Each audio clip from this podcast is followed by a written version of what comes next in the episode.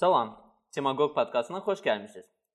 Burada heç kəs tanımadığı adamlar hamıya maraqlı mövzular haqqında heç kimə lazım olmayan fikirlərini bölüşürlər. Bugünkü mövzumuz İblis və ya şeytan Prada geyinir e, filmi olacaq. Deməli, ə, Farid, тебе нравится, да, этот фильм, как я знаю? Я обожаю, я уже много лет обожаю этот фильм. Я вообще с детства обожаю. Deyəsən 2007-ci kinosidir. O vaxtdan da ya обожаю, ya da 2004-cü. Короче, да, fərqi yoxdur. O vaxtdan я обожаю с детства. İbrahim təzə baxıb bu kinoya. Так что İbrahim, ваше мнение, пожалуйста. Mən biraz parçalam, belə deyim. Ənənəvi olaraq, yenə də deyim, Anne Hathaway-ə təşəkkürümü bildirmək istəyirəm. Çox sevdiyim aktrisalardan biridir. Batwoman-da falan da çox böyük rol oynadı. Sən də tipik Azərbaycan qaqaşı kimi ən birinci qlavni aktrisanın gözəlliyindən danışmalısan. Mən çox sevirəm ki, bizim mövzu seçimlərimizdə baş aktyor qadındır.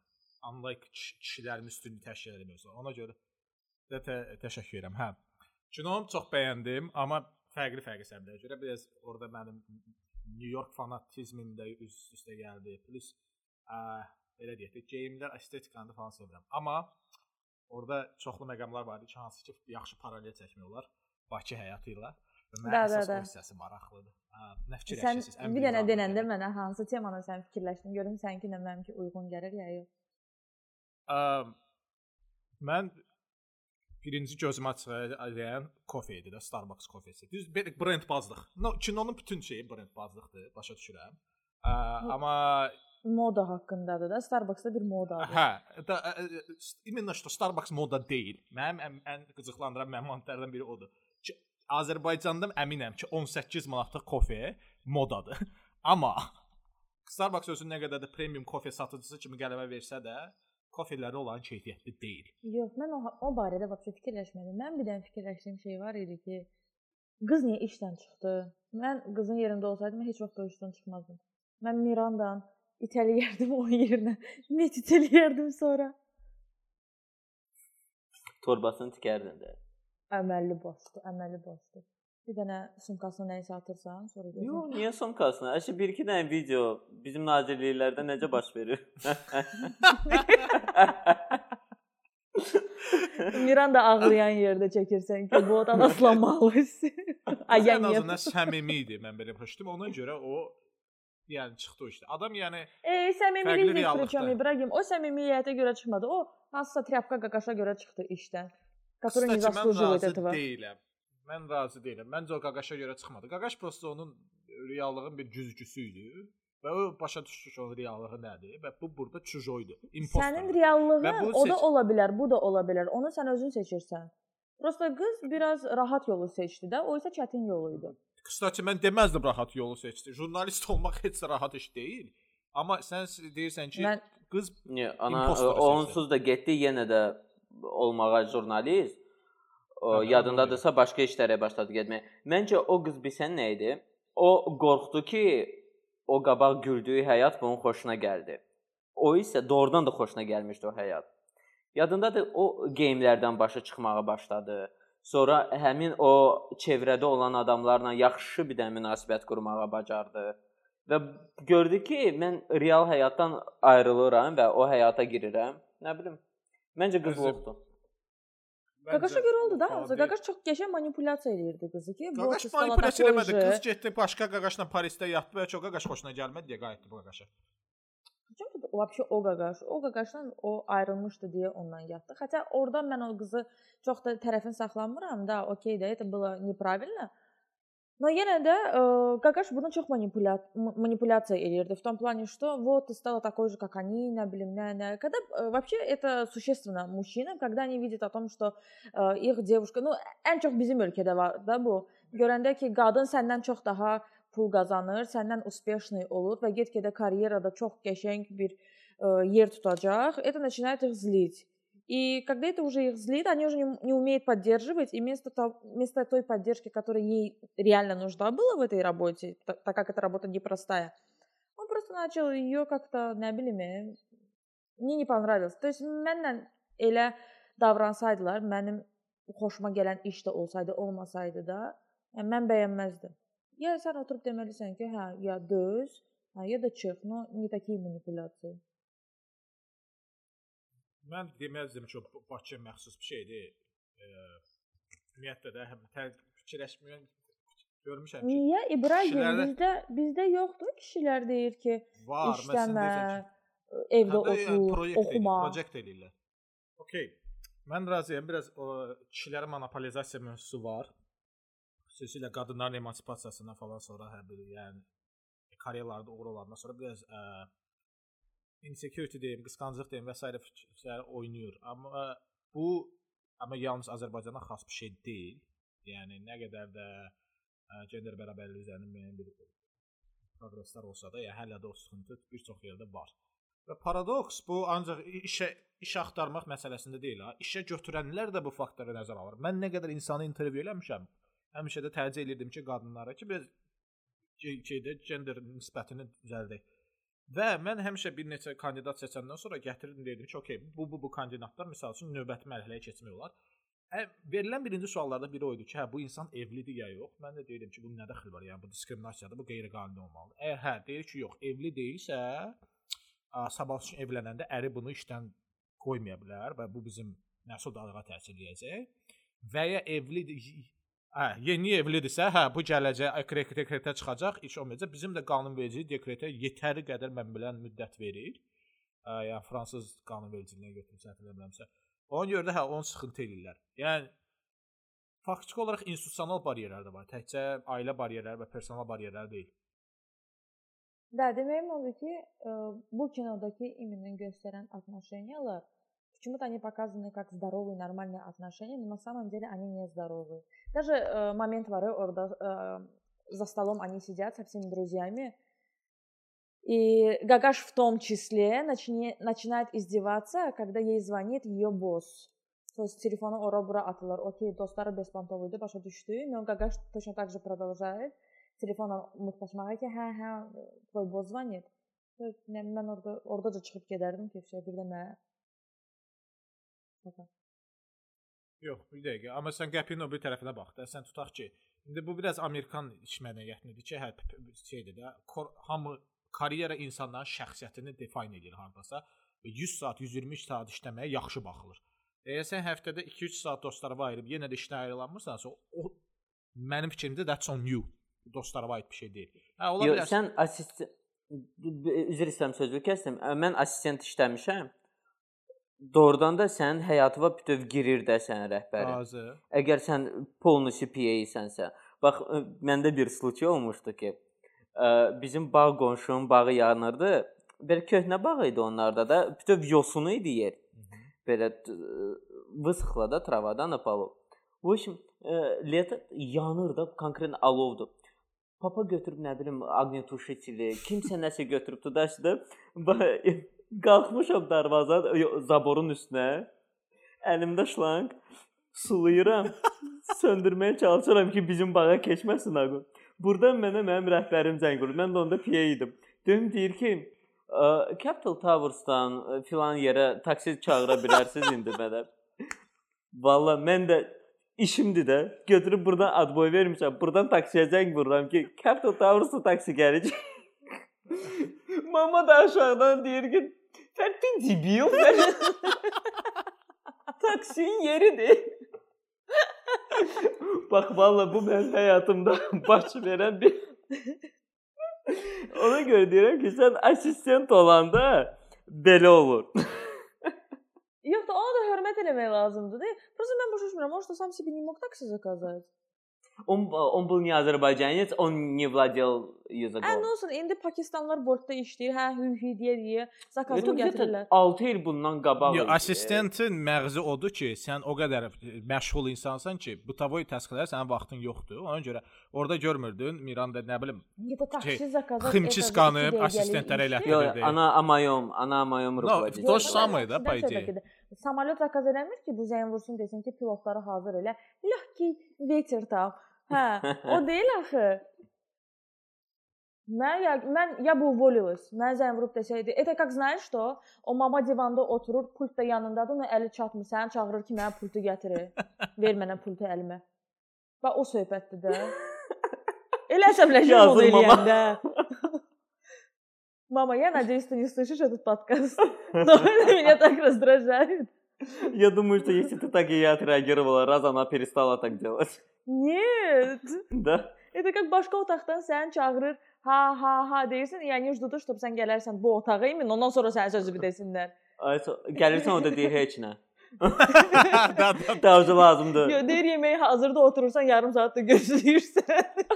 Sən öl. Və axırda fərsiz evlad sən çıxırsan da. da. Nankor evladı. Ay sağ ol. Et mən mənə evdə deyirlər, tez-tez də övlad deyil, ipoteka borcudur. Sən doğan yerimə daş doğardın.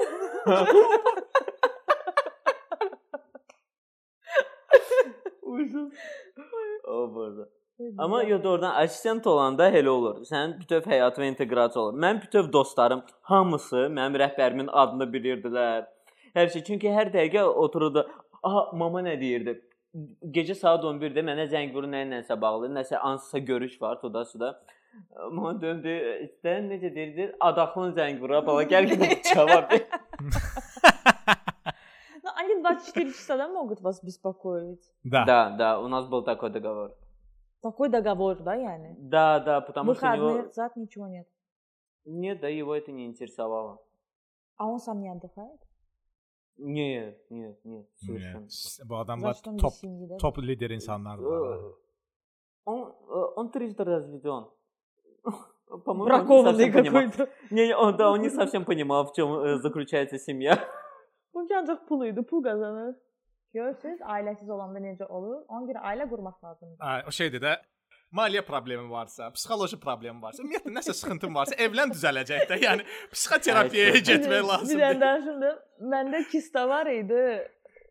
9-cu sinifdə idim hardasa. 9-cu sinifdə gedirəm ginekoloqa, həkimlərə. Ə, hamı da deyir ki, hamısı, hamısı da 5-6 dənəsini gəzmişik. Çünki kista çox yekə idi də. İstəyirdik də oradan da bu müalicəsi tapılsın da. Hamı da əməliyyat verdi. Hamısının birinci sualı. Subaysınız? 9-cu sinifdəyim də. Hə. Evlənmək lazımdır. Evlənin, hər şey keçəcək. Mən deyirəm, niyə? Olmaq lazımdır. Nə olmaq? İntim həyat denəndə buna olmaq lazımdır. Siz olursunuz, olmursunuz. Çox pis. 9-cu sinifdə işləyirəm. Tak tak kistayam, ölürəm, gözümün altı qapqaradır. hələ burada hələ burada da sözlər olursunuz, olmursunuz. Ə, nə olursunuz? Что ты говоришь?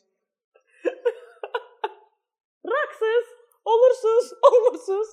Olmamazlıqdandır. sizde, sizde, sizde olmadı gitti. Elə sən də belə gedəcəksən. Olmamış. Hadi cemaati öldürürük burada güle güle uzun. Ой, да. Извините на нас, люди, которые Ира болеют, Розен, пожалуйста. да, да. Мы не над этим смеемся, мы смеемся над теми, что люди, которые реально doğrudan da buna baxırlar ki, evlən hər şey keçəcək. Ha da o deyirəm də bütün problemlərin həllidir. bütün problemlərin həllidir. yəni bu təkcə deyən deyirəm, Azərbaycan aid bir şey deyil. Ümumiyyətlə bu ə, ş- şeydə Middle East regionda, Suriyada tutmuş ə, belə deyək də, Şimali Afrikaya qədər qaynanalar, analar, xüsusilə oğullar azada. Nəsə sıxıntı varsa oğul hamısı ondan irəli gəlir ki, evlənməmisə. Evlən düzələcək də. Yəni bundan yetər qədər komedik Onlarda da videolar. evlən olmaq deməkdir, yoxsa prosta Da- iminə kəbin Valla tarzı 11 bilmirəm, olmalıdır. 11 bilirəm ki, şeydir də, ə, Tunisiyalı xalalar belə deyək də, şeydir, oğlanların toyda rəqs eləməyinə diqqət edirlər, xüsusilə nə qədər çiyin atırlar. Və yəni o çox Ой, да, belə Afrikadakı şeyi deyəndə həmişə şey yadıma düşür. Afrikadakı некоторые племена же там я скажу это Обрезание женские, да, женщин? жен- женские половые губы же В Чечне обрезают. тоже есть, кстати. Да, kстати, там iki dənə qız idi də qaçmışdı oradan. Да, görəsən, да. что 3 там. 3 tane kız Üç idi, tane. ikisi обрезанный idi. Da var elə bir şey. Valla Это yəni ужасно, это катастрофа. mən bilmirəm hansı qəbilələrdir. Yəni Afrikada elə siz dediniz elə daş dövrdən qalma qəbilələrdən mən bilmirəm qalmayıb. Dünya e, İslamı, Afrikanın özündən söhbət gedir. Hətta Masai qəbilələrindən mənim dostlarım da var. Ya orada elə bir şey mən eşitməmişəm. Amma yox, yox, qəbilələr var. Heç şey olmayır, eləməyəcək. Aysa, yox, qəbilələr onunla mühab dalaşır. Yəni yəni o o Okay də. Eta o bir imaj üçündür də, düzdür. Okay. Bizdə də toylarda qılınclı qaqaşlar gəlirlər, aş gətirirlər də, amma yenə də də. amma qılıncı tuta bilmir də. Aysa ona qalsın. Yo, amma doğrudan qəbilələr var. Hansı ki hələ orada bir qadının bir neçə dənə əri ola bilər. Ona poliandriya Ha, deyirlər heç də. o, hə, o var da, hə. Hə, Orada o yox, var. jalka. Əgər bizdə bizdə poliginiyadır. kişilər. bir kişinin bir neçə Hə. arvadı ola bilər də. Orada isə bana başqa bizdə cür- legal Yox, kişi deyil bu üçün fakt əgər olaraq. yox, kişi kişi üçün bu yaxşıdır Yox, da. legal Yəni deyil. 4-5 dənə arvadı olmağı məncə kişi üçün хорошо da. Yumu хорошо məncə. No ə, qadının 4-5 dənə əri olmağı məncə ужасно. Mənim bir Ну откуда нам знать? Siz olursunuz. Bəs siz olursunuz 4 dənə ərlə. Görürsən, bu o xalanı götürəsən, bax o qəbilədən götürəsən bir qadını, aparasan bu xalanın yanına, Dəli xala bir olarıq. dənə boy versin hə. Siz olursunuz orada yoxsa yox. Paladan içinə 4 kişi bir qadın girir. Olursunuz ya yox. Ala biz varıq. Bizə çöldə bayır kimidir. Kısaca ginekoloqdan söhbət getmişkən, bu mənim çox yaralı yerimdir.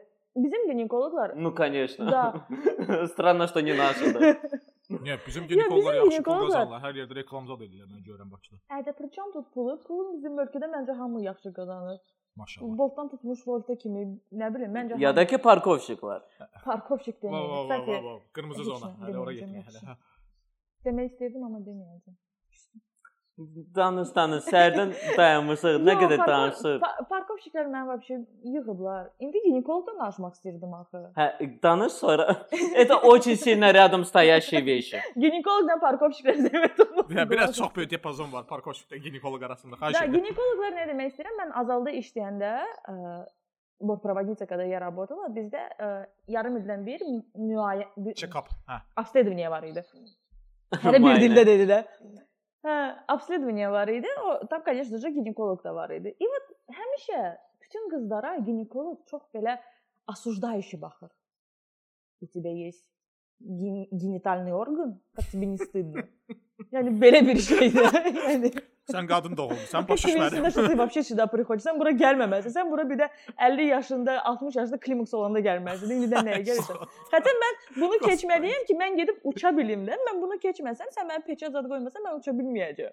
То есть я обязана это сделать. Даже, ладно, даже если я не обязана сделать, я, если как девушка, тоже да, должна как-то себя иногда проверять. Но нет, они так смотрят на тебя осуждающе, что я не... Реально? Ты, ты девушка? Фу.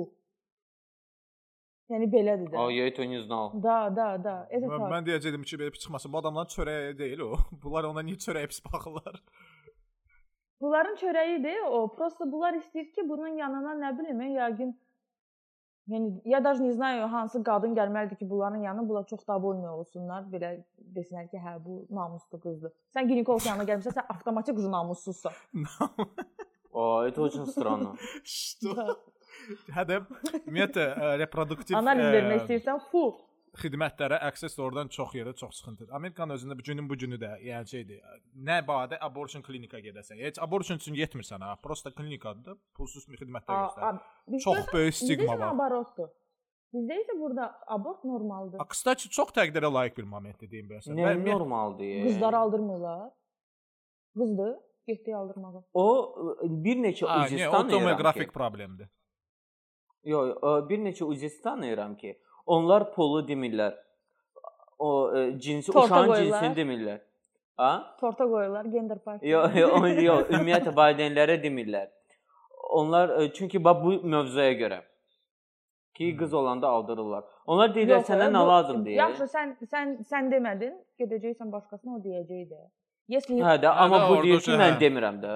Bəzi mən yaxşı. Mən o gün anladım. Bəziləri yox, hə. nə bilim, ba- başqa onu niyə eləyirlər? Mən başa düşmürəm. Kişilərin nəyi var? Sultan Süleyman zatsan sən nə qoyacaqsan uşağını kreditdən başqa öləndən Da, sonra? Что ты Sıxıntı хочешь на ordadır мальчика? ki, sırf belə gələcəyə baxış nöqtəsindən, yəni e, liability nə deyirlər fərqli Azərbaycanda. Yəni ə- ə- qad- qadın ə, övladlara daha çox məsuliyyət kimi baxırlar ki, bu mənim xərci olacaq. Amma Mhm. oğlanlara ki, başda bu mənim asset olacaqdı. Bu mənim bir gəlir və ya bir nə bilim bir ruzi gətirəcək. Hansı ki, Ayda. çox vaxt həmişə Vallahi deyirəm. İndiki qızlar Gedib, hə. oğlanlardan qeyrətlidir. da oğlanlar Bunu- gedirlər səhər söz olması bütün Ya pullarını gəlin atırlar belə kazinoya. danışmaya. Это очень неправильное слово. Qızlar Ya, это oğlanlardan говорю. qeyrətlidir.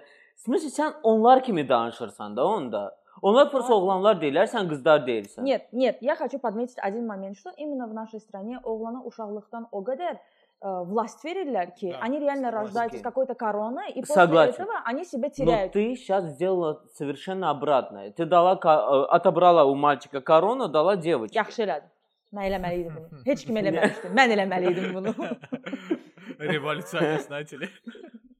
Parkovşiklərə yox deyək. Mən deputat olsam sloqanımda. Parkovşiklərin butulkalarını yığışdırın yolda. Bax, söz verirəm, Klinus.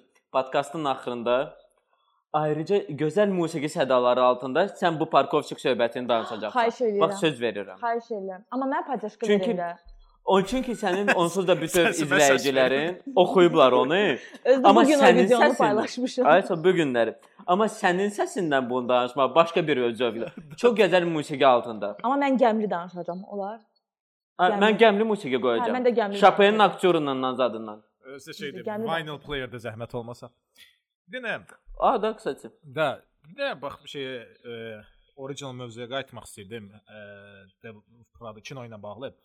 Orada baş e, rolda başa düşürəm qadındır və onun modadan birinci uzaq olub, sonra modaya girməyi belə mənə çox yenə də e, belə də nə deyim, imposter sindromunun əlamətlərini verir. Yəni NXT-nin heroinəsindən söhbət Hə, Bəli, bəli, bəli, bəli. New York şəhəri ümumiyyətlə ə, varlı şəhərdir falan. Fashion hissi ümumiyyətlə New Yorkda ortalama olaraq çox yüksəkdir. Ona görə də modada olanlar çox böyük orada pullar qazana bilirlər. Amma yəni mən nə bilim, ya onun siz onun təqdirə layiq sayırdınız ki, bu adam getdi, axırda onlara qoşuldu, onlar kimi geyinməyə başladı. Amma məncə individuallığın özünün də bir xüsusi dəyəri var. O individual belə buntark olduğu üçün məli ya ki, onun müdiri ona bir hörmət verdi, ona bir şans Она не verdi. бунтаркой была. Она не была пай- Она бунтаркой. была пай-девочкой. В смысле, yəni ki, şeydir, nə deyirlər ona? Она была пай-девочкой, да? Мягко Она просто была умная. Да. Вот с хорошим образованием. Если помню, я могу Northwestern, ошибаться, но она, Northwestern кажется. Принц. Northwestern. Да, Норсвестон. Да, вот. universitetdə, hə. No, jurnalist. Ну, Вот да, она это Да. окончила. Да. Bir söz demək istəyirəm. Mənim ən любимый героиням bilirsiniz kimdir? Миранда. Yo, Meryl Streep. o birisi assistenti. Реально. Ölürəm də onun üçün də, ölürəm də Nə idi? onun üçün. Amanda idi da deyəsən adı, hə? Yoxsa nə idi yadından çıxdı adı? Hə. hə. Не. Onu da tapız var ya. Na что-то. а, No, it's okay yəni, hə. Эмили, Эмили, Emily, ha, Эмили. Emily. Emily в Emily in Париже. Paris. Да, да, да, да, да. Да, да. Emily в Ужасный Париже. сериал, Amma ужасный. getmə. Я не Да, смотрел, ужасный даже сериал, не не пытаюсь смотреть. рекомендую. Да, не Не пытайся. смотри. Mən onu arxa fonda qoyurdum, yeməyi zad bişirirdim ki, xat закончится уже qurtar da уже. Он Тошнит Что просто. за розовый мир? Я была в Париже, Ужас. там не так. Совершенно. Da, вот, вот, вот, спасибо. Çox mühacim məqamdır. Paris qavno şəhər, New Yorkun da inspiration-ı. Çox, çox. New Yorkun da inspiration Fransızlar arxitekturun bizi olaraq öldürürdü bu dəqiqə. Paris Parisdir. Doğrudan da New Yorkun özü də yəni çox böyük Çox. e, şey nə deyim, adı var, amma yaşamaq bildiyin əzabdır da. Səs-küydən ana baş beyni yedi. Atmosferi qorudu. Atmosfera yoxdur. Atmosfera deyə bir şey var, bir şey yoxdur. Bəli. Это qoyuram qırağa. Zirzibilxana, эти бомжи, Qurban olaram nişi, Bakıya. şey- kim nə istəyir onu da eləyir. Мне даже Макдональдс не вкусный был. Amma Əsas buradan məsələ. xərcə getmişəm Макдональдс yeməyə. Mən də o deyəcəm, əsas məsələ. Я должна везде да его попробовать, но наш вкуснее, чем везде. Э, сравнительно, не, да. да. Не самый вкусный, но вкуснее. Йо. Ну, Ибрагим, ну, как тебе окей. Швейцарии? А, Швейцария, Швейцария ведь vкusna. Şeydi, e, pendir, pendir yönümlü e, yemekler üstünlüğü belli ama McDonald's'ta işte o, o kadar da belli. Laktoz önden ötürü ölen insan değilim. E, oradaki pendirde laktoza var öyle bir şey. sen öyle sendeki. niye, niye doğrudan değilim. Seçimlerin içinde fondü falan da var diye salların. McDonald's'ın da işte niye беледи ягода ölmedim yalan demeyeyim. İlk Добро Şiçeli'de... пожаловать на передачу «Смак» с Иваном Ургантом. Нет. а, При этом... Дмитрий моя любимая героиня Эмилида. А, офигенная. А что, а что в ней тебе нравилось? İbnen biriydi de. Ha, da harassment'a məşğuluydu da bildin yani. Она любила свою работу на самом деле. И никто это не оценил. Как? Она, она хуже справлялась.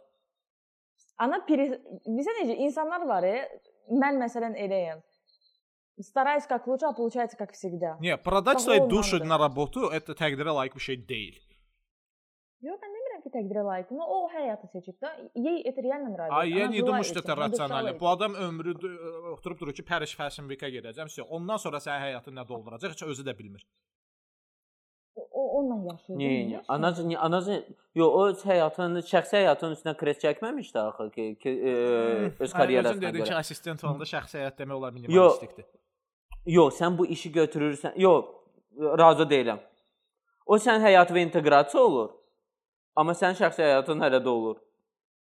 Niyə, razı deyiləm. Okay, okay. Yo, prosta o qız o, o qız karyerasına qurban verməmişdi axı şəxsi həyatına. Prosta bizə onun şəxsi həyatını Onun şəxsi həyatını göstərməmişdilər. göstərməmişlər. Hə, də göstərmir, nəzərə Hə, də alınmır. prosta göndə- Orada göstərməmişdilər. Kitabda nə Orada göstərir? ancaq Miranda ilə ə, qızın Emilin, e, Da. o Angie, Angie'nin. Ange'nin, hə. ancaq onların Miranda Miranda da çox gö- опять же Miranda çox professional və çox uspешный olduğuna görə ərləri dözə bilmirdi, çıxırdı gedirdi. Sən bilirsən, o Miranda oturmuşdu Da. oteldə və Angie yaxınlaşdı ona deməyə ki, Biz kimlə makiyajla. oturacaq? Aysə onu Mira e, onu Meryl Streep özü əlavə eləmişdi. Я обожаю. O Meryl o döndü dedi ki, mən istəyirəm ki, mənim giroyinyam biraz real görsənsin. Она сама эту ка- эту сцену добавила. Я обожаю. А, эту она женщину. легендарная, да. А, Она Да, она да, реально да. легендарная женщина. Я ее обожаю. Çox gözəldir özü. Həddindən artıq gözəldir.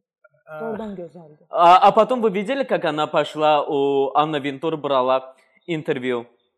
Это, да, она, да, этот же фильм Miranda Priestley слизан с э, Анной Винтур. Əslində bu kitab əsasındadır.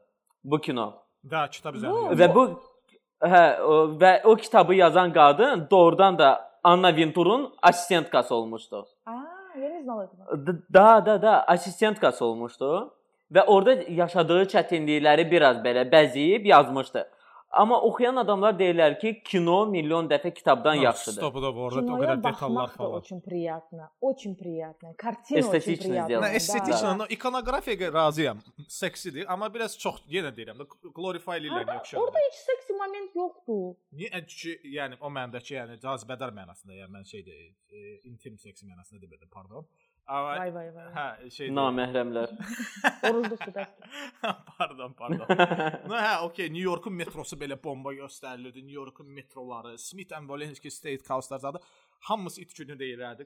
Yəni ki, ona görə deyirəm ki, hə, estetika belə çox yaxşı göstərilib. Mən deməzdim ki, oradakı metroları estetikni göstərirdilər. Yox, orada göstərirdilər moment, когда она не справляла своей работой тоже da. Yəni itləri gəzdirirdi, əlindən kofe dağılırdı, o dağılırdı, bu dağılırdı. O momentdə göstərilir baxın. İşin özü sırf göstərilir ki, çox belə pizdesdir. Bilirsən, məşhur bir kontrast var New Yorkla Los Angeles arasında da şeydə şərq və qərb sahillərindən varlıq və Hətta Los Angeles типа город ангелов, Нью-Йорк isə пахает. Da, вот есть одно слово. Da New York varlı özündən zəhləsi gedən insanlar üçündür, rich people who hate themselves. LA isə varlı və özündən ötürü ölən insanlar üçündür. Yəni ki, belə deyək, people who are obsessed with themselves. O kontrast var orada. Amma yenə də deyirəm ki, 2000-ci ilin əvvəllərindədir. Yəni 20 ildən sonra nə dəyişib Allah bilir orada. Yox, уже, конечно же, уже orada вообще zombiləşmə gedib məncə Nyu-Yorkda. Еще в фильме там не Я было даже не таких хочу технологий, знать, как если честно, да. да, как сейчас. No, priyetom. Əvə, dərdlərimiz qurtarmışdı New Yorkun dərdini çəkməyə qalmışdı. Mən, mən yenə də tərəfdaram ki, Bakı qurban olaram Bakıya. Cəmaətin bu günləri Parkovçik kapotunu çırpırdı. Nəsə burada oturub New Yorkda podkast yazıram. Harama yaraşır? Ay, sən elə. Mən harama yaraşıram. Niyə? Priyetom bayaq dediniz bayaq ki, birinci assistent öz həyatını satıbdı, öz tuşunasını satıbdı. Onu sən dedin. Ki, Mən dedim, siz də razı olmadınız. Okeydə müzakirə oldu. Amma bu məqam mənim Bakıda bir başıma gələn, başıma deyəndə müşahidə elədiyim çox belə nə deyim, ürəyimi parçalayan bir moment yadıma salır. Biraz trigger warning deyək. Ə, 2018-ci il falandı hardasa. İşdən belə də kostyumda falan çıxmışam. Əsədə tək tənha vaxtlarımdadır ki, çay içirəm Nizami teatrın kafesində. Və heç o yadımdan çıxmır. Doğrudan çox tənha idin deyirsən. Hə, mənim biraz elə momentlərim olur deyim. Və arxamda bizim şəhər demişəm biznesmen də belə Bəhkidə bir dənə dayda öz işçilərinə oturub falan. Bir xanım əfəndi yaxın. Orada bərk edən biznesmenin nə işi var? Niyə ya daşı niznay Bəhkidən deyək. Danışığından elə danışır ki, elə bil ki, nə bilim şeydir. Apple bunundur, hə. Sözümün canı odur ki, bir xanım əfəndi yaxınlaşdı bunlara. Xanım əfəndi işə girmək istəyir. Və yəni ki, intervyu idi qrupa qabarya bu. Tamam. Biraz söhbət elədilər. Mən də qulaq asırdım da, hardansan, adın nədir, mən neçə yaşım var falan. Hansı ki, Okay, the personal information-da üçün lazım olar. Mən belə ən çox donduran moment, harda ki özümü gücsüz hiss edirəm, sinəyim. Bunlar danışdılar işte belə şirkətin rəhbəri kişi-kişi danışır. Axırda bir dənə sinə dedi xanım. Dedi bir dənə dur ayağa. Xanım da belə qaldı. Sonra dedi ki, bir dənə dur ayağa, bir dənə sənə baxım. Klinuş boğum. Tərəddüd eləmədi. Xanım durdu ayağa. durdu. Xanım durdu ayağa. Sonra kişi dedi ki, bir dənə fırlan, yəni ki 360 dərəcə fırlan, bir dənə baxım sənə. Allahın olsun, xanım durdu ayağa belə kafenin fırlandı elədi. Hə, qız kişi də baxdı dedi ki, ha maşallah, maşallah, hə. Qəşəng qızdır. Maşallah. Yandaş Amma maşallah da самый лучший комментарий да в нашей da истории. yandakı kişilər deyir ki, hə, Roşimdə yaxşıdır, gedər zat nə belə. O şimdi qız da bir dənə sevinmək, sevindi ki, a, все da okey. Amin. İyi, ondan sonra İbrahim bəlkə hostes işinə gedirdi. Bəlkə valik olacaq. Это не рядом стоящие вещи Da, люди. yəni mən demək istəyirəm, любом случае, okey, hostess və s. Əzizim, yəni bunun birincisi daha abırı, intervyunu sən kafedə, kişilərin oturduğu çayxanada eləmirsən. İkincisi sən bu bundan seksual eksploatasiya, istismara yol açırsan. Və yəni sənin günün sonunda sən iş görürsən, okey, hostessən və s. Sənin nədir? Məhsuldar olmaq, işi aparmaqdır. Yəni sən nə qədər Mən də razı deyiləm. trivial bir şeydir ki, sən cəmaata bir 360 dərəcə fırlan, baxım fikirləşərəm. Və heç Bəlkə də heç yalandan da söz verdi, işə də götürməyəcək, maaşını da verməyəcək. Yəni o cür ilkin hə, nə deyim, interaksiyadan rəftar edən insan Нет, gələcəkdə это, necə о- rəftar это очень edəcək? некрасиво. Это ужасно. Donub qalmışdım mən. Neetично. Nə bilim mən o dayını orada döyərdim ya. Donub Qıza da- qaldım. qıza da- Bilmədim. Yox, günah qızdadır ki, Ha. qız o sözdən sonra çıxıb getmədi. Mən bax həmin momentdə sən nə edərdin? Qıza nə deyəsən? Bax, Çıxıb mən get. mən çıxıb özümü get. gücsüz kimi elədim, qaldım, bilmədim nə deyim. Deyəcəklər ki, qardaş, get Yox, öz sən işinə sən bax. heç Hətta sən hardan bilirsən o qızın bəlkə problemləri var, nə bilim, o bəlkə o qız ömür boyu xoşlayıb belə, что с ней так обращались. Это- По-моему, ты не имеешь права вмешиваться. ya razıyam. То, mən что ты это подслушал, это твоя проблема. И Слушай, это не очень хорошо с твоей невозможно стороны. было, что не послушать. Deyirəm, qış- yanımda qışqıra-qışqıra arxamda oturmuşlar. Mən də tək idim. Я представляю это. Dur ayağa. Bir Dö. dur ayağa baxıb. Maşallah, maşallah. Deyirəm, "Ay Allah, bu nə baş? Elə inarsa qıp-qırmızı oturmuşam, bilməm nəyim. Durdum, getdim tualetə ki, bəlkə söhbət qutarar. Yenə də söhbət davam edirdi. Qız bütün ailəmin danışırdı. da. Mən də Qız dedim, pər kimi fırlanır da. Ucu yallı gedirlər. Это не смешно, блин. Это ужасно. Xanım əgər bizə eşidirsinizsə yazın da nə olar kommentariyada. Kommentariyada yazın nə vaxt intervyuda fırlanmağınızı istəyirlər. ya da fırlatmağınızı. Amma məndə də e, belə cibirli intervyular olub. Bir dəfə getmişəm başım. Ə, keçirəm intervyunu. Mən də уже со стажем работы, да. Я руководитель проекта. В смысле, не самая последняя, да, позиция, да. Я не на колл-центр, да. Колл-ценtra başlayanda onda belə sualları hardasa başa düşürdüm. Чем вы видите себя через 5 лет, да, o suallar? Не-не-не, хуже. Мы с ней это все обсудили, она задала мне такие вопросы. В итоге она у меня, знаешь, что спросила? Papa, mama nə işləyir? Valla 27 yaşım var idi. Ə, Mən də ki, ə, ayla neçə yaşımdan işləyirəm? Mən 19 yaşımdan işləyirəm də. 8 ildir iş stajım var. E, project management'dakı 4 ildir ki işləyirəm. Bu məndən soruşur ki, papa, mama nə işləyir? Это как в школе. Background çəkdi də Fərid. Baxmaq. Klinur. Belə k- belə məndə gülümsəmə alındı. Məndə də söz soxmaq var axı. Да, Döndüm балдыз dedim ki, Мы никогда не слышали. kısaca, kısaca da rебята, ə, məni onlar ikisi baldız adlandırırlar. Ə, Və mən də döndüm dedim ki, ə, sualı başqa bir dənə yanaşma ilə verin də. Mən tam olaraq anlamıram bu sualı. Döndüm deyir ki, valideynləriniz haqqında nə danışa bilərsiniz? Я их люблю. Говорю, Клим, подожди. Я, Yaxşı я caziblər. ответил на русском. Я сказал, что, вы знаете, они, у- э, они прекрасные люди. э, Они мои родители. У меня есть папа, у меня есть мама. Чудеснейшие люди. Возможно, если бы вы бы их узнали, вы бы их тоже полюбили. А еще лучше то, что они богатые и обеспечили мне очень хорошую жизнь. Kız mənə belə ахуйда baxır ki, sən nə Deyirəm, xanım, я сюда к завучу пришел или что? Вы зачем вы моих родителей спрашиваете? İndi səni almağa xala xala üçün döndü də, «Э, э, понятно, мы с вами свяжемся через неделю. Не связались. Я такой с улыбкой ушел. Связались или нет? Нет, конечно. Она даже нет не сказала. Ayda. О, идиоты, да, клянусь. Bir dənə sualım var. O, o bu bilmirəm təzəlikcə olub bizdə. Yəqin ki, Google-da zətdə umumən vəprosu şey deyiblər. Kim вы видите себя через 5 лет sualını Chat GPT. hər intervyuda hər, yəni sən o suala nə cavab verə bilərsən ki? Слушай, я, у меня недавно спросили. У меня вообще это мой любимый вид спорта. Клянусь, məni işdə pis mənada e, İbrahim bilir, mən bunu danışmışdım ona. Ə, Məni işdə pis davranırlarsa, məni nəzəsə rəhbərlik incidirsə zət, nə bilim, mən işimə dəyər vermirlər zət. Gedirəm bir dənə konçini yerə CV-mi göndərirəm. Onlar məni çağırırlar. Gedirəm orada danışıram. Onlar belə qulaq asırlar ki, doğrudan da bu uşaq belə ağıllıdır. Götürək, oyan bir. Dönüm deyirəm, ой, вы знаете, вы мне не подходите. И вдруг çıxıram. Клянусь, это просто очень сильно подбадривает. Любимые HR, я вас реально очень люблю. Извините, что я так делаю, но это просто моя терапия. И, в общем, и Mən bu- а, к чему? А, вот через 5 лет. Да. И даже в нормальных компаниях, когда это спрашивают, недавно я вот снова был в нормальной компании, такая известная, она у меня спрашивает, и я ей сказал, что siz hələ də bu sualı verirsiniz, hələ də aktualdır bu sual. Deyirəm, sən Allah, deyirəm 2000 ə, bu- ə, 2022-ci il, 2019-cu il sizə başa sala bilmədi ki, plan qurmayın. Amma pandemiya gəldi. 2 ay evdə oturmuşdum. Deyirəm, Putin ya Ukraynanı götürür. ha ne oldu? Kake Magup'la Yeva, Yevapçı şey Kake Magup'la 5 ilden sonra Pugaçova, Pugaçova Rusya'dan köçtü. Yani sen ne plan hakkında danışırdın? Pugaçova bunu planlaştırmamıştı. Yo mən mən elə bilirdim ki, Pugaçova Lenin yanında uzanacaq. Doğrudan o qədər vacib adamdır. Bu durdu köçdü Rusiyada. Güzel elədi. Hak verəm. Allah yekə lüblü. Mənə elə ki, o sualı xaricdən prosta götürüblər, copy paste ediblər. O nə deyim, daha dinamik əmək bazarlarında cəmaət hardasa 2-3 ildən bir sonra özünə bir plan qura bilsə, onu eləyə bilirlər. Azərbaycanda cəmaətə mən 3 ay əvvəl bir nəyisə dəvətnamə göndərəndə, heç toy zad demirəm, amma toy heç də indi toy svit toy.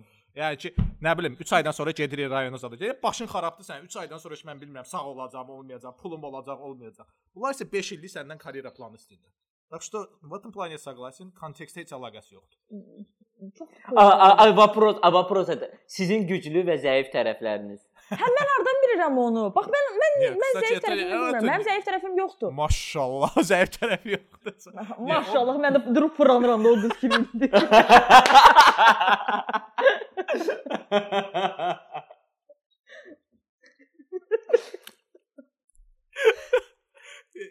Ya biraz self awareness yaxşı şeydir, zəiflikləri falan bilmək, amma ki, yəni, o sualı daha normal şəkildə vermək olar. Bizdə çox super şablon edirlər və qəribəsi ondadır ki, bir e, kriteriyalar da yoxdur. Hə, bu insan cavab verdi, bu kafi cavab idi, yaxşı cavab idi, yox. Əgər belə də kefinə düşər, düşməz, ya belə. Bir də bir dənə şey var ki, mən Azaldan sonra hansı intervyuya getdimsə çox getmədim. Şükür Allaha 3-cüdən sonra məni götürdülər. Vəbşi mən ömrümdə 4 dənə intervyuda olmuşam. Onların 4-ündən 3-ündə məni götürüblər, birini özüm отказ elədim. Vəbşi mən indiki kimi 2 dənə işdə işləmişəm. Bu nə? Вы бы вы бы сейчас бы видели ее лицо. Niye грустно стало почему-то? Ne, birinci işim azal idi. Ondan sonra da 3 dənə intervyuya getdim. Yo, üçüncü də deyəndə ki, deyirlər özün haqqında danış. Demişəm ki, hə də bot pro- bot проводница работала, təyyarə belə çıxış olmuşam. Niyə çıxdı? вот именно с такой интонацией. Deyirəm, yaraşmadı da bu iş mənə. Siz axı bütün gün путешествовать eləyirsiniz. Hə, sökülüb. Bütün gün orada buradayım. То есть heç kim samolyotda yorulursan, bunlar ya samolyotda heç vaxt uçmuyub bunu deyən insanlar, ya da mən bilmirəm. И вот каждый раз они мне этот вопрос задают, и каждый раз у них есть подвох, что это меня уволили, а не я уволилась. Не, потому что это реально. Для меня тоже это какая-то клевая работа. Я не вижу в этом. А что там Хорошо, сложного? так. Расскажи да мне. Давайте так, давайте вы мне будете задавать вопросы, а я буду отвечать. Вот смотри, вот Что ты сказала, делать? что самолету учурсан, да? та- Я тоже в этом самолете лечу. Но ты летишь, gedirsən oradan otelə, istirahət edirsən ya da işini görürsən, biznesni, biznesdisa, и все. Biz isə обратно. Biz qalmırıq orada. Siz qalmırsınız. Хотя бы bir Yox. gün. Yox, hey, yox, какой bir gün? 1 saat qalırıq, o borka gəlir. Məncə gedirik. qabaq qalırdınız axı. qabaq deyəndə o sənin 20 il bundan qabaq danışdığın A, şeydir. 20 il. Da. Aa, ya da o 2-3 il bundan qabaq Niyə də, normal niyə, idi. niyə, niyə də heç yerdə qalmırıq, heç yerdə. Turkish Aa. Airlines qalır da. Turkishlərdir, başqaları da, даже этот Astana Airlines-də Bakıda da qalılar onlar. Biz çünki çox vaxt onları görürdük, briqada ilə gəlirdilər, edirdilər, Sheratonda qalırdılar. Amma biz heç yerdə qalmırıq. Biz gedirik, 1 saat orada Aa. qalırıq. 1 saata da nə olur? Uborkanı eləyirsiniz, pitaniyanı qəbul eləyirsiniz, samolyota yenə hazırlayırsınız. Чтобы yenə pasajirlər gəlsin ki, обратно qayıdasınız. И все, oradan da обратно qayıdırsınız. Yəni siz hər 2 dəfə boarding eləyirsiniz, 2 dəfə informasiya oxuyursunuz, 2 dəfə pitaniya paylayırsınız. Hər şey 2 dəfə, 2 dəfədir dalbadal özdə. Это очень сложно. Aa, mən bunu bilmirdim. И O плюс у тебя, mülki э, нет aviasiya ilə своей tə, жизни. tə, Sən- tənzimlənir. Ölkənin qanunvericiliyinə asılıdır. Çünki sən faktiki olaraq sənin hava yolları hansı ölkənin qanunvericiliyi ilə tənzimlənirsə odur. Türk hava yollarında və ya Amerikada ə, misal üçün saat limiti var ki, 5 sutkada cəmi 20 23 saat uça bilərlər falan və O s. ICAO-dur. O ICAO-dur. O bütün avia şirk avia şirkətlərə aiddir, düzdür. Amma bizə də belə dedən mini, yəni çətin idi. Yaxşı da məqamları da var idi. Nə yalan deyim də, indi oturub istəyən deyiləm ki, no mənim orqanizmim vücudut eləmədi. Çünki plus işi o, ə, əgər reys səhər saat 7-dədirsə, sən səhər saat 5-də, 4-də olmalısan ə, aeroportda. İ 2 saatda sonra e, ə, abratna qayıdırsan pas pasajirlərdən sonra. Yəni i plus ə, sənin ac günündür, ya toydasan falan, heç kimə fərqi yoxdur da bunu dispetçer sadəcə təyin eləyir, sən nə vaxtlara uçacaqsan. Yəni sən özün bilmirsən, hə, sabah biri gün sən nə edəcəksən, sənin xəbərin yoxdur heç. Çox tamamilə başa düşürəm. Onda hə, çətindir. Yox, çətin işdir. Ümumiyyətlə flight attendant özdəki ə, başlanğıcda da maaşlar o qədər yüksək olmur. Yəni yetərə qədər əcəsə müəyyən müddət. Sonra artıq uje neçə illik Mən sizə deyim ki, bu bir iş o dərəcədə çətindir ki, bu iş çox çətin işdir doğrudan da. Amma yenə də maaşı az qalır. Hə, elədir. Elədir, o çox elə. Yəni dəyməz o maaşa qalmaq qalmaq orada. Bir də O put kimi çox gözəl idi. O put Burası kimi mənim məsələn, maraqlıdır. məsələn Naxçıvana uçanda xalanın pəncərəni aç, hə, nəfəsim kəsildi demək. Baba, baba mən bunu soruşmaq istirdim indi. Mənim bir dostum var. Ə, it oynadan biridir də. Deyim bir, bir dəfə həyatında bircə dəfə İsrailə uçmuşdu samolyotla. Ə, və o dildən çox it idi. Ну, идиот. В общем, э, да, стюардесса проходила мимо. Döndü ki, xan mən pis oluram. Siz ayaq üstəsiz, mən oturmuşam. Buyurun əyləşin də. Siz У тебя такие вещи бывали? Sizə bir də istoriya danışım indi. Deməli boardingdir. Gəzirik ora-bura. Heç reys, reys ya, Ant ya idi, ya Antalya idi, ya Bodrum idi. Nəysə belə bir şey. Amma güman ki Antalya idi, çünki Bodrumun pasajırları belə şey eləm. İndi mən belə deyirəm, pis qəbul eləməyin də bunu. Prosta yəni orada da sortirovka söhbəti var da indi kim hara uçursa, İstanbula tamam. alverçilər uçur, Naxçıvana tam uje biznesmenlər də var, Naxçıvanların özü də var. Yəni uje biz belə sortirovka eləmişik. Nəysə, hə, Antalyadır.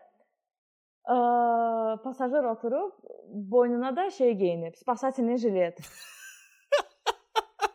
Boardingdə. Hələ uçmamışıq, hələ pasajırlar gəlir. Mən də gedirəm, gəlim, deyirəm yəqin ki, bu özünküdür də. Nə, Taxıb taxıb da, yəqin gedəcək baseynə kəllə vurmağa hazırlaşır. Sonra görürəm ki, bunda bu, burasında lampuçka var, boynunda Samolyotun lampuçkası var. Hə, burasında lampuçkası var, burasında düdülkaları var, чтобы надувать воздух. Anlaşdım ki, qardaş, bu hardandır? Bu mənimdir. Deyirəm, hardan sizindir? Mənim oturacağımın altındaydı, mənimdir də. И вы понимаете, мы из-за него задержались. Потому что onu sonra обратно ora qoymaq, hə, o çox böyük bir prosesdir.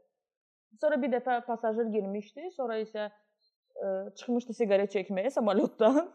Kürən partlayır, siqaret çəkmək istəyirəm. Потом мы из-за него bütün pasajirləri çıxartdıq, bütün bagajı çıxartdıq. Nədir, nədir bu? Çıxdı siqaret çəkməyə. Çünki po zakonu sən pasajir samolyota girəndən sonra çıxa bilməz. Çıxılmaz, Bu isə çıxdı siqaret çəkməyə. Özü şeydə trapda. Aa. Və mənim bir qaynar bir istoriyam var. Naxçıvandan Bakıya gələndə. Deməli, samolyot biraz boş idi. Orada da e, at- flight attendantlardan biri cavan oğlan idi də, belə hündür boy, simpatik oğlan idi. Nəysə mənlə də paralel bir dənə qız oturub sağ tərəfdə, üç tərəfi də təkdir. Mən də atamla. Nəysə də mən yorğanam başımı atıram yatmağa. Görürəm ki, qaqaş gedir, gəlirəm, su gətir eləyir, eləyir. Bizimkilər də olsa qımışır da. İyi. Mən də elə bilirəm ki, bu yenə harassment zətdir də. Qaqaş qıza nəsə eləyir, qız da buna göndərmək istəyir, qaqaş əl çəkmir. Sən demə insafca ə, xanımefəndidən gəlib Və bunlar belə də 45 dəqiqəlik uçuşda belə də, yəni gözlərlə, burunlarla hər tərəfə filtrasiya elədi. Bu enməyə 10 dəqiqə qalmış.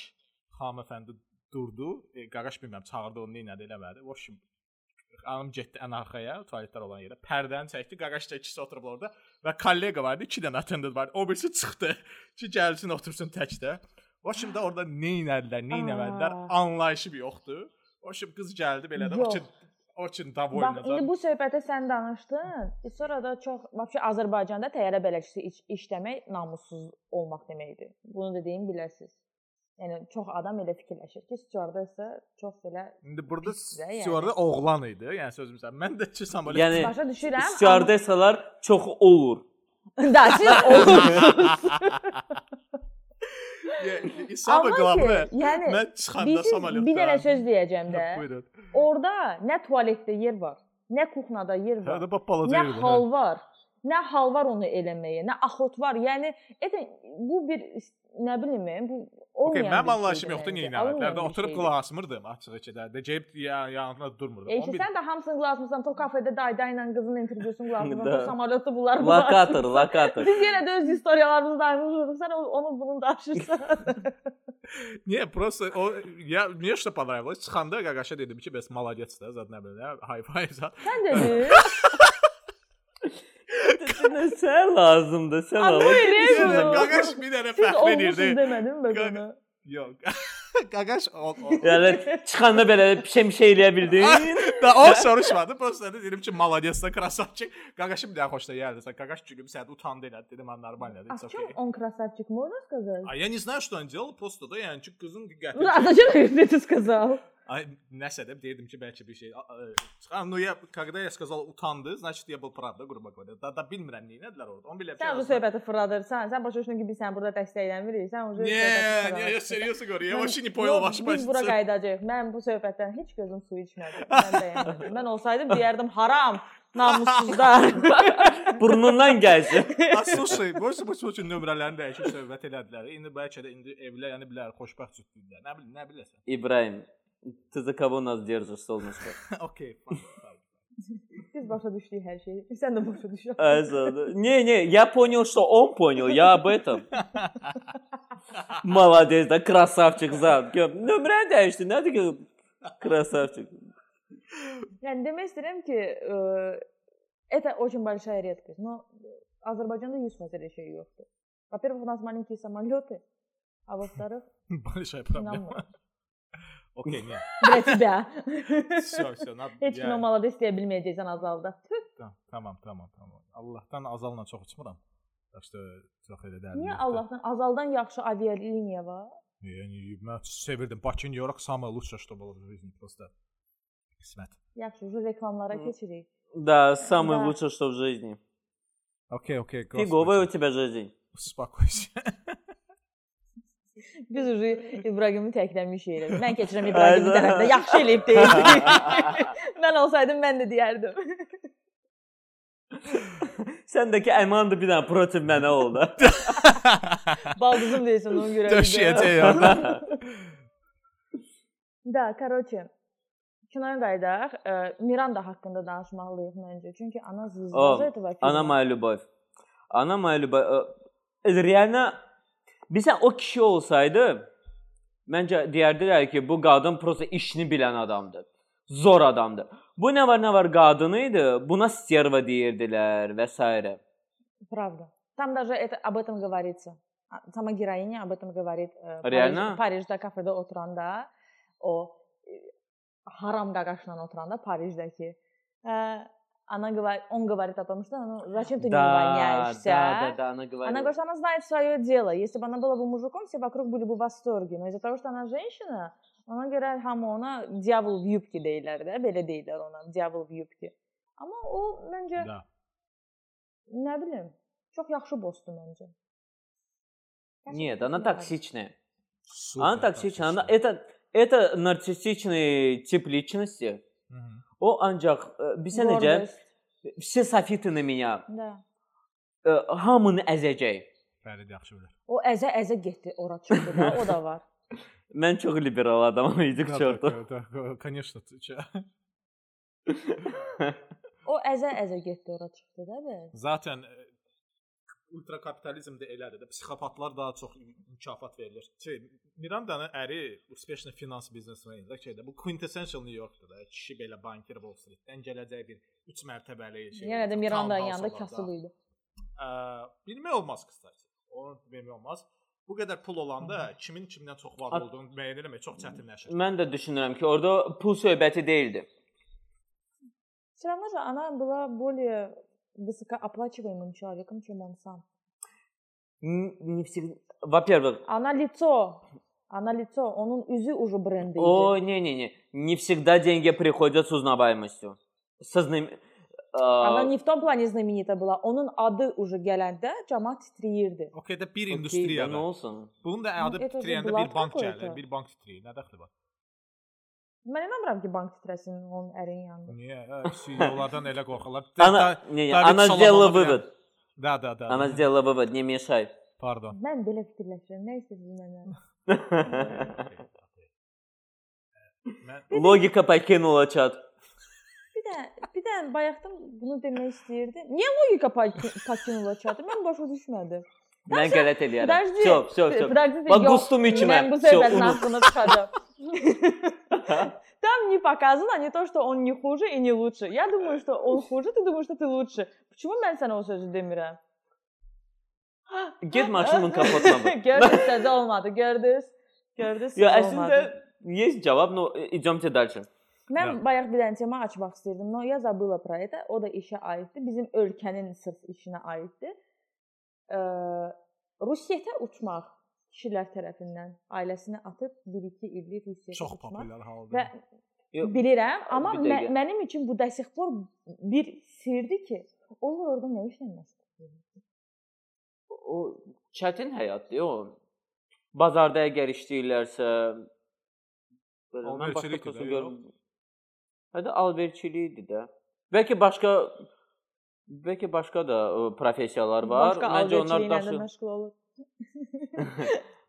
Nə, siz nə edirsiniz Mila ki, məşğələrin olmağı Rusiyada, ailəsi ilə Azərbaycanda paralel yoxsa nə? Yoxdur, yəni Yox. mən bunu uşaqlıqdan eşidirəm həmişə, yəni tam nə znam, dayımın gəlininin nə bilim nəyi getdi ora, Hadi b- Rusiyaya, böyük iqtisadiyyat Kirvəsinin iş xalasının yeri- nəvəsi. Da, İş da, bu çoxdur da, sonra daha koyda çox iş imkanları qonşulardan ki, var. Rusiyaya gedirlər Daha çox postoyan. iş imkanları var, daha böyük iqtisadiyyatdır. Yəni Azərbaycanda adam iş Ay, tapa sağ ol. bilmir, gedir orada özünün bir qəbiləsi var, öz kabinası var. İndi orada nədəsə bir ona vasitəçi rol verib То ona есть bir 3 вы qəpik думаете, что ayırırlar. все-таки это работа, да? Yəni 100 yüzdə faiz, yüz amma pul iş- olmasa ora işi nəyə verir. gedir? Не, а, а в смысле ты думала все сговорились, просто ехали туда? Я думала, что да, там есть какая-то секта, они там собираются. Fırlanır, onlar da maşallah maşallah.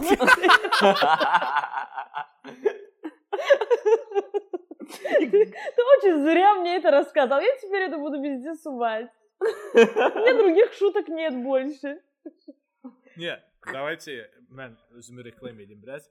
Başqa bir belə bir istoriya qabağıma gəlib Anadolu restoranında orada intervensiya ilə yüngülvarı elədim. Orada da tənhaydın demədə. E, Orada da yenə nəsə eşidib də. Nə eşitmisən? Niyə? Eş açığı gəlmişdi. Kuxnadan ofitsiantka ilə power çıxdı. Povera malades dedim. Tak sekunda, sekunda. Niyə burada haqqısı şeydir. Prosta getmişdim dönər el- ə, o sifariş verməyə. To go. E, o Anadolu'nun dönəri nömrə 1. səviyyə, hə, də, 24 saat özdə. özdə- Deyəsən Covid vaxtı deyəsən. yaxşı. Ə, Orada bir bir neçə ofisiant var idi, qadın kişi, bir dənə xanım var idi, çoxsu kişi idi də. Bu ofisiantların biri xanımla çox belə nə deyim, entuziastik idi də. Ki bir-birlərinə zarafat edirlər. Ay nə bilim, qıdıqlanmaqdan, əl atmaqdan, restoran ortasında da klinus gedir, gəlir bu ona söz atır. A, bizdə də şey yoxdur. Eşşək sözünü əzizləmək kimi istifadə eləmirlər, ötküz və s. Bir-birlərinə Ay, belə, hə bir-birlərinə mən də deyirəm ki, bu flirtasiyadır ya nədir? Sonra görürəm ki, bir dəfə qaqaş edir ki, dönər də bir xeyli çəkib abi 7-8 dəqiqə. Görürəm ki, qaqaş şey deyir. Qız da biraz inkomfortnadır da. Allah, 2 dəfə, 3 dəfə, 4-cü dəfə eləyəndə ürəyim partladı. Qaqaş çıxıb gedəndən sonra dedim ki, xanım, başa düşürəm, bu mənim işim deyil. Amma siz bura sizin Dönərim anı. sizin rəsmi iş yerinizdir. Yəni əgər sizə problem yaradırlarsa, bu barədə dövlətin və ya legal resurslar var. Ailə Uşaq Komitəsi olsun, ombudsman olsun və s. və s. də. Ən azından bunlara müraciət edə bilərsiniz. Xanım da bir duruxdu. Dedi ki, ay yo yo, natam, biz prosta belə də ə, o biraz səmimidir və s. nə bilim nə. Yəni Siz də elə ola bilərsiniz istəyirsiniz. Gəl bura, gəl bura eşəyim mənim. Gucu gucu gucu gucu. Hoşum gördüm ki, xanım biraz belə də duruqdu, amma bir Dönəri belə biyo. Amelə amelə. normal cavab verəmədi. Mən dedim ki, okey. bu moment qaqaş gəlir də amelədir. Hoşum gördüm ki, də yəni ki, xanım bizə nə deyirlər, qatlaşıb bundan. Mən dedim ki, okey, mənim burada heç bir olub yoxdur. Amma yəni Açirinoy iş yerində hərəsmət nümunələrindən biri idi. Yox, bizdə vəbşi o hər yerdə problemdir. İşdə mən də onu deyirəm. Görsən ki, oturub seriala baxır, asan asan xidmətdir nədir orada. Seriala baxır, yaxınlaşsan sual versin, bilmirsən də, bunun birinci dəfədir bəlkə asanla gəlmişəm. Bir dənə cavab verirsən, hə, nə bilim, elə bir pulunu verməmişəm də. Yox, sən mən verməmişəm. Yox, sən Mən müştəri. sən müştərisən. E, Bu iş bir dənə də, bir dənə də tema var. Bu mənim iş yerimdə də liçinə olub. Mən bunu nümayiş olmuşam. Nümayiş müşahidə eləmişəm. Мушаhidə eləmişəm. Hə, это взрослые женщины, которые работают, взрослые. Она еле пыталась вспомнить слово, чтобы продолжить на русском. Гениально. Взрослые женщины, женщины, которые в большинстве случаев одинокие, yani subay, subaydılar da, hə. Subaydılar. Они всегда э, молодых девушек, девушек принижают на работе, amma oğlanlara isə budi sən o Anadoludakı budi budi budidan Onu edirlər. mən heç kəs eləməyib. Disclaimer, but okay, hə. Sizdə eləməz də orada, bizdə eləyirlər. Onu baxdım, Bakıda eləyirlər. Yox, Anadoluda mən Меня deyirəm, всегда şey- любили женщины постарше. Реально, все мои руководительницы всегда меня очень сильно Это любили. так? Видите? Я доказала В- это. Реально. Вот, Реально. например, вот э, мужчины в основном со mной в контур входят. Amma qadınlarla mənim həmişə zor А у münasibətim var. женщин наоборот. Hələ bir dənə Взрослые rəhbərim kişilərlə var yola idi. gedirsən. Aha. Danışanda heç qulaq asmaq istəmirdim. Maraqlı şeylər demirdi, amma elə gözəl qadın idi. Ah, Вы бы, dərd вы бы orasındadır, bax. сейчас видели его лицо. Niyə problem onda? Adam oturur ancaq xarici görünüşünə fokuslaşır. Вот все mujiki такие, Farid. Извини меня. Aa, N- na- gözlər, na- yox, na все было muziki типа də ki qızlar da görünüşə все mujiki baxır da. kazlı. Yar sağlasın səsin. No, biz də görünüşə baxırıq. Sən heç vaxt ürəyini birinci dəfədən görməyəcəksən. Sən birinci onun vizualizasiyasını Niyə görürsən, iş sonra yerində ürəyini ən azından tanıyırsan. deyirəm də, tamam, mən sosial settinqdə demirəm, amma E, iş Fərdin yerində hə. o xalalar mənə də gəlib mənə eləyir də. Mən də çatmırdı ki, bu xalalar mənə niyə belə mehriban olmağa çalışdılar. Mən də oturub onlarla prinsipə gedirdim. Ona görə də məni heç bir sevmirdilər. Ona görə sən Anadoluda heç nə vermədilər. nə dönər, nə Нет, onu bilsin. Dönərmi aldım axı. Mən də dönər idi deyim belə sizə. Если бы что интересно было. Да, я хочу сказать, что на работе дискриминация da var bizdə. Əməlli başlı. Ə, sən təzə gəlmisənsə, sən по-любому loxsan, sən loxlayacaqlar. Ə, во многих местах, не везде, конечно же, но во многих местах təzə особенно ə, rəhbər qadındırsa və уже yaşlıdırsa, sən isə cavansan və təzə gəlmisənsə, mən bunu iki yerdə işləmişəmsə, ikisində də bunu görmüşəm. Okay, mən Mən qalan çox yerdə gözəl işləmişəm. olduğuma görə mənim gözəlliyimi heç götürə bilmirlər. Allah korusun. Allah korusun. Это- Она, конечно, сейчас спекулирует тем, что она никогда себя не показывала. Да. Bəs, Вам и мы придется должны поверить верить. мне на слово. Да, все должны верить на слово, да. Sən В mənə общем- demirsən ki, İbrahim. Э, Aa, Görməzlikdən aa, o gəldim. vəbşə də, yəni elə deyil amma inanıram da. Yo, amma mən sizə deyim ki, diskriminasiya var, düz deyirsən. Ə, ən çox da ki, stiklyana patolog var qadınlar üçün. Doğrudan da belə baxırsan ki, heç bir maneə yoxdur ya qarşısında. Amma bir pillədən sonraya gedə bilmir. Hətta əgər baxsaq bizdə dövlətdə belə dövlət strukturlarında deyək də, vacib yerlərdə qadın oturmayıb. Var, böyük yerlərdə oturublar. Nəyətə Nikoliçivaya roli. Azərbaycan tarixində bir dənə qadın naziri olub indiyə kimi. Ədliyyə naziri bir dənə Ada, вот, Da, а я dox- не знал об этом. 97-ci il olub. Bir dəfə nə, cəmsi nazir, nazirə kabinetdə bir dənə qadın olub. Bir ailə uşaq Nu, komitəsində вот. nəzərə alınmır, amma ombudsmanı falan. Hə. O həmişə qadın standom Da. olur da. İkincisi Bu mən işin- olacağam. Голосуйте за меня. Мечта, знаете ли. Там не голосуют, но окей. Так вот, ə, stiklanı потолок var. И həmin o qadın rəhbərlər çox vaxt elə onlar yaradırlar o stiklanı потолоку. А с чем это связано вообще? Со злостью? Вообще, не, вообще, давай на чистоту. Женщины не любят друг друга. Я люблю женщин. Я восхищаюсь женщинами. Я это сейчас на çok серьезно deyirəm bunu. И с чистого сердца я говорю, что я реально обожаю женщин. Я очень счастлива, что я женщина. И я обожаю других женщин. Düzdür. İndi orada beləsi də var, beləsi də var, но в основном я горжусь. Mən ola bilməz ki, mən hardasa rəhbər olum, qız gəlsin yanıma və mən onu presliyim, nədir, nədir, mən ondan bir pillə yuxarıyam deyə. Heç vaxt onu Нет. eləmərəm. Özü naqilyatla вообще. A вот ə, просто bir dənə empatiya uyandır. Sən artıq yaşlısan. Sən qırışların və s. Ay Allah. və cavan qız gəlir. Doğrudan qəşəngdir. hamı ona Cıraram fikir onun verir. ki dəqiqə. Ну вот, я знаю. Я же знаю. Ərini Sağ əlindən alaram. Ərin ərini pulla alaram. Ayza. Нет, нет, əslində нет. Я бы наоборот была бы, наверное, очень хорошей женщиной. Зачем я сказала была бы? Я что, не буду старой? Наверное, я умру скоро. Знаете, ага. Э, в- Еще один раз логика покинула чат. Ну, и- ну, и зачем я? Я сказала была бы. Ha, буду. Я, я, наверное, буду очень приятной. Gəl inşallah deyəsən Allah. Sonra yuxumuza girər. Əlimizdə qalar. Özdə bizə necə so sonlu paraliş kimi girəcəm də. O gözümü Ay, açırsan, Orada bədənin ən tutulur. qorxuncu odur. Klinoz. Olmusan ondan? Mən çox tez-tez oluram. Doğrudan. Mən ömrümdə 2 dəfə olmuşam ondan. Amma indiyə kimi yadımdan çıxardım. Açığı deyim, d- mənim bir dənə dəftərim var. Mən oraya ə, bütöv ə, yuxularımı yazıram. Mən hər gecə yuxu görürəm. Mən də hər İ- gecə görürəm. Çox gic-gic yuxular. Bir Mən sən də. nə qədər gic-gic yuxular görürəm. İ, hər dəfə yerimə girəndə üstümü örtürəm belə, düşünürəm ki, господи, давай еще круче. Bu səfər kaktusla danışım. Babala yaxın dostlarım, yaxın dostlarım mənlə hər dəfə görüşəndə dönüb deyirlər, "Давай, рассказывай, что ты во сне видел?" Mənası var yoxsa yox, как ты думаешь? И Я не верю в это все. Но мне очень интересно.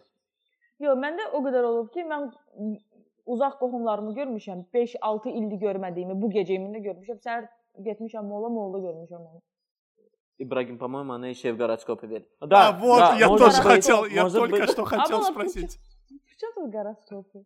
Я верю в гороскопы. Ulduzlara falan. Реально? İmtina Doğrudan. eləmirəm, hə. Təkləmək istəyirsiniz məni? Davayca hazıram. Yaxşı. biləcək- nə Səncə, səncə Endinin bürcü nə idi? Podkastın Bir də- adı Diabol Nöşüt Prada'da ayıbdır. Cəmaət bura nə üçün yığışıb? Camaat da oradan karyeradan Sənə- bir-iki dənə məsləhət öyrənmək istəyirdi Ki- ki, Ay, necə şey- eləyək, CV-ni necə yazaq. Я очень много думаю о том, что мы в этом подкасте ничего ничего им не даем. Зачем они тратят на Зачем нас вы это время? слушаете? Doğrudan. Реально, Не пожалуйста, дайте, да, пишите на да, нам комментариях. Реально, клянусь, я вот я своих друзей заставил, Ибрагим своих друзей заставил. Кстати, Тахмина, спасибо за комментарий. Да, да. Спасибо моим подписчикам. Я вас Вот. люблю. Живите здесь и сейчас. Жизнь одна. И как Бузова в конце заорит, да. Ну, я это и говорю. Я ее цитирую сейчас. А, ты заорала? Это Да. я думал, ты рыгнула. В общем, Я предлагаю, что гороскоп это для, другого эпизода. E, məncə goroskop Gö mövzusuna. gözdə indi deyəcəm. ya просто bir dənə bunu desin, sonra gedək. Hə, yaxşı. İnci. İnci əkizlər idi məncə. Əkizlərdir. Yaxşı, bəs Emily o sənin xoşuna gələn. Emily Emi- Blunt oynayırdı. Hə, Emily məncə şeydir, rıbıdır. Ya rıbıdır ya da kozirok. Bəs Miranda? Miranda Lev. Однозначно Lev. Я не знаю, на что я должен был шокироваться, что она такой уверенности это говорит. И парень 100% тут сидит, deyirəm. 100%. размышляет. Хм, лев или Yaxşı, нет? bəs Mirandanın sürücüsü? Mirandanın sürücüsü məncə Nə də onadı. Onu heç kəlasta göstərməyiblər. Da. Yes, yes, boss. Görsənməyə personajına keçirik. Başla bax. Da, da, da. Ana nastoku başla bax. Gördüm razgonu yığıb dedim davay. Kopernik qəbrində dönür ki, o boyda sübut elədi ki, yer kürəsi günəşin ətrafında fırlanır deyir və astrologiya isə e, məhz onda idi ki, yer kürəsi idi kainatın mərkəzi və bunu sübut elədi ki, bu doğru deyil, amma götürdülər, qaytardılar. Təzədən 20-ci əsrdə falan New York Times astrologiyanı təzədən qaytardı modaya, deyin biləsiniz. Bir dənə Астрология вообще-то var. И в это нужно верить. Просто ее нужно изучать очень-очень глубоко. Да. Ну вы не Да, глубокие знаете- люди, что я могу поделать с вами? Знаете, если честно, объективно говоря, я с дру- друзьями говорил, bizim xüsusilə Generation X Z nəslində falan obyektiv olaraq dinin effekti azaldığı üçün insanlar inanc boşluğu yaranır və o inancı doldurmaq üçün astrologiya gedirlər, politikaya gedirlər və s. və s. Am, Ona görə də mən yenə deyirəm, ya уважаю вас, мило, что вы верите. Bilmirəm həyatınızı nə Спасибо, я qədər тоже вас astroologiya- уважаю, уважаемый. ki, qərar Hər gözəlin bir eybi var, heç nə olmaz. Amma hə, yəni Peki mən, mənim eybim qaraskop Xə- olsun. Xəstə uşaqdır, yola ver. mən bu Гороскоп var da. Я не говорю, что все человечество не всегда гороскопы орada. На этих он- 11 12. nəfər. Ну, говорят, Он- 13 тоже Да, есть, 13 но есть говорят, тоже, ну да, так да. Bax görürsən onu mən bilmirəm, sən bilirsən. Nəyim IQ-vu burada indi yerə salım tapdalayım səni? Yox, eləməyəcəm bunu. Нет, это Çünki ваша inanıram. проблема, что siz inandığınız şeyi axıra qədər araşdırmırsınız. Я не верю, но при этом я э, изучал. Нет, я же не пок- я не фанате не фанатею от этого, чтобы mən bütün gün oturum onun şeyini. Mən prosta bilirəm ki, doğrudan da məsələn, ya bliznici, i mənə xarakteristika yazılan, bliznicə xarakteristika yazılan xasiyyət doğrudan da mənə çox svoysunlu idi. Yəni onu oxuyanda bir özümü oxuyuram. Effekt Barnum haqqında oxu. Amma biz bunun üçün ayrıca, ayrıca podkast yazacağıq. Da, bizim hətta Fəridlə bizim bizə bir tusovkamız olub. Hardakı biz şeydir, xanım əfəndilər çox ürəklə danışırdılar ki, niyə Bakıda svidaniyalar alınmır və 90% səbəb o idi ki, bürc.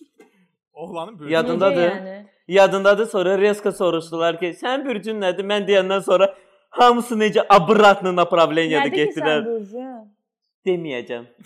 Krasavçıq. Niyə? Это было e, elə bir-iki ilin söhbətidir. Bizim bir dostumuz var idi xanımla tanış olmaq istəyirdi. Biz də dedik ki, okey, gəlin bir parti eləyək, Şuşada falan. Xanımları yığaq. 15 dənə xanım idi, nə bilim 4-5 dənə oğlan idi. Nəysə söhbət ge- etdi elədi. Axırda qərar verdik ki, okey də niyə məsəl üçün siz hələ singlesiniz falan belə bir şey.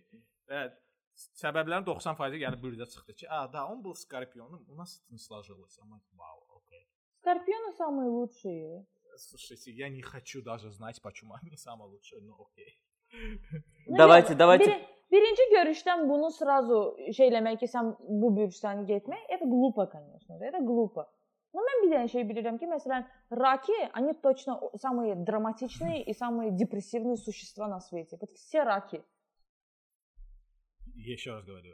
Raksan no deyəsən, comment. İbrahim. CNN-dəki kimi no comment. Ə, Ya amma biz bunu da oradan ayrıca danışaq. Gəl Da. gələn Yaxşı. dəfə elə baba haqqında danışaq. Əgər Ha, siz bir şey istəyirsiniz fikirləşək. biz bu haqqda danışaq, kommentariyalarda bunu bildirin zəhmət olmasa. Aysa, подпишитесь, э, Подпишитесь, колокольчики. Da, yuxarıda И subscribe комментарии, knopkası olmalıdır. пожалуйста. Xahiş Да. edirəm. Не забудьте Alternativ написать olaraq follow. свой rəy.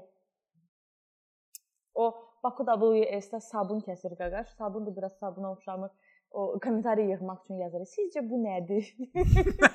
Niyə də? Sizcə bu nədir? Это şeydir. Bir də yazır şeytan əməli. Şeytan əməli. Con- audience engagement.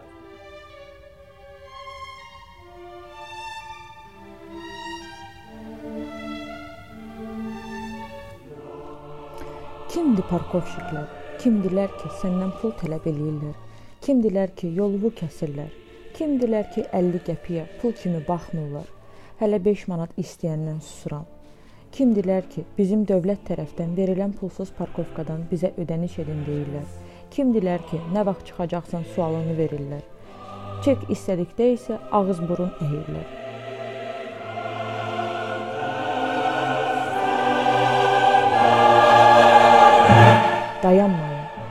Öz haqqlarınızı bilin. Qumlu sulu butulkaları boş yerdən götürün. Maşınınızı rahat saxlayın. Nə qədərə çıxacaqsa sualını sifət eləyib keçin.